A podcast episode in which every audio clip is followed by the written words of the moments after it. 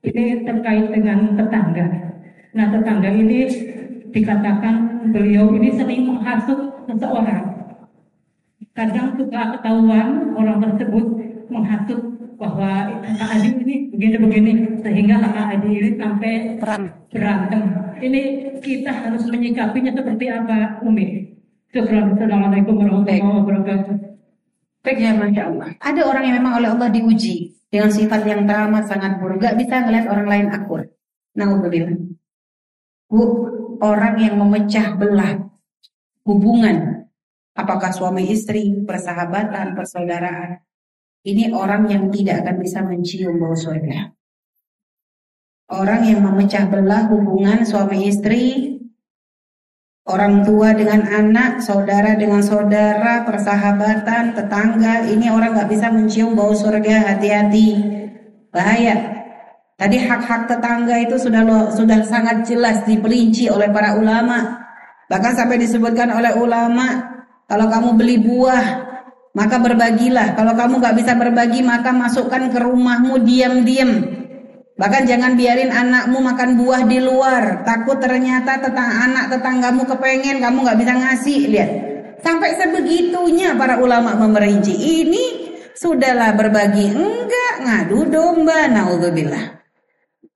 Ada seorang juga ada begitu datang kepada Nabi ya Rasulullah aku aku punya tetangga boleh banget. Boleh banget. Dia ganggu aku terus aku harus gimana ya Rasulullah? Kata Nabi tingkatkan kesabaranmu. Kalau bisa diingatkan, diingatkan. Kalau nggak bisa ya sudah, kamu jangan membalas. Dan nanti urusannya ada Allah. Allah yang akan memberikan balasan. Kalau memang kita nggak bisa. Makanya sekarang solusinya apa? Ingatkan dulu. Kita sebagai orang yang mengerti. Ya, jadi kita datangi. Kita akan enggak kan belum kan? Baik. Jadi kita datangi, kita pelan-pelan, coba kita dekati eh, eh, kalau memang kita tahu bahwa dia penyebab dua bersaudara kok jadi perang. Setelah itu apa? Nasihati. Oh ternyata nggak bisa tambah jadi. Coba cari siapa orang yang bisa mendengar me, apa?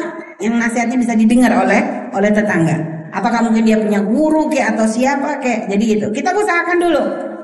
Kalau ternyata sudah enggak, ya berarti sekarang yang penting kita coba meng, apa, mengajak saudara tadi yang berantem.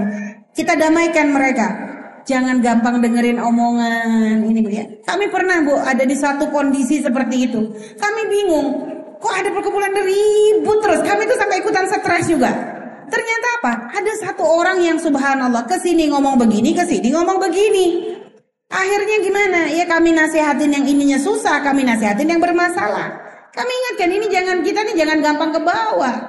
Makanya kita sendiri ibu biasakan kuping kita tuh ya memang dua, tapi jangan kebablasan bolongnya. Ada remnya juga dong. Jadi jangan semua informasi itu ditangkap mentah-mentah. Jadi jangan gampang kita diadu domba. Kalau ada berita jelek, saudara kita ngomong begini, cek dulu. Belajar kita seperti Sayyidina Abu Bakar As-Siddiq. Bagaimana ketika beliau diadu domba dengan Nabi Muhammad Sallallahu Alaihi Wasallam. Beliau patahkan Abu Jahal yang itu yang saat itu ingin memecah belah beliau. Dia patahkan langsung. Dia katakan, eh Abu Jahal, kalau untuk urusan Nabi Muhammad jangan macam-macam. Seandainya beritanya lebih berat daripada ini, aku percaya. Ketika beliau mendengar berita Isra dan Mi'rajnya Nabi Muhammad. Abu Bakar saya Sayyidina Abu Bakar waktu itu bertanya, benar enggak? Tapi tidak ingin memberi celah kepada siapa pun untuk mengadu domba. Nah itulah. Jadi kita tuh begitu patahkan. Kenapa ada orang mengadu domba? Karena ada orang yang mudah mendengar adu domba. Tapi coba kita semua menjadi orang yang kuat, gak gampang diadu domba. Ya orang yang adu domba capek dia. Maka sekarang solusinya mengingatkan ke yang adu domba sebagai orang yang lain. Kita sebagai orang yang tidak terlibat. Setelah itu datangi saudara-saudara tuh. Sampaikan, kamu tuh jangan mau diadu domba, kamu tuh saudara.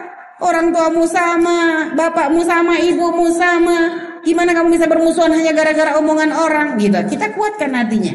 Jadi seperti itu. Karena kita berada di tengah-tengah. Kita yang tahu, oh ini penyebabnya adalah ini. Jadi gitu. Dan untuk tetangga ingatkan, kalau tidak, doakan semoga dapat hidayah. Oh ya, doakan semoga dapat hidayah. Kalau enggak urusannya dengan Allah. Ada Allah, Hati-hati Allah tidak tidur. Allah melihat yang dia lakukan dan akan berikan balasan yang setimpal kalau dia tidak bertobat kepada Allah. Nauzubillah ya. Semoga Allah membimbing kita semuanya.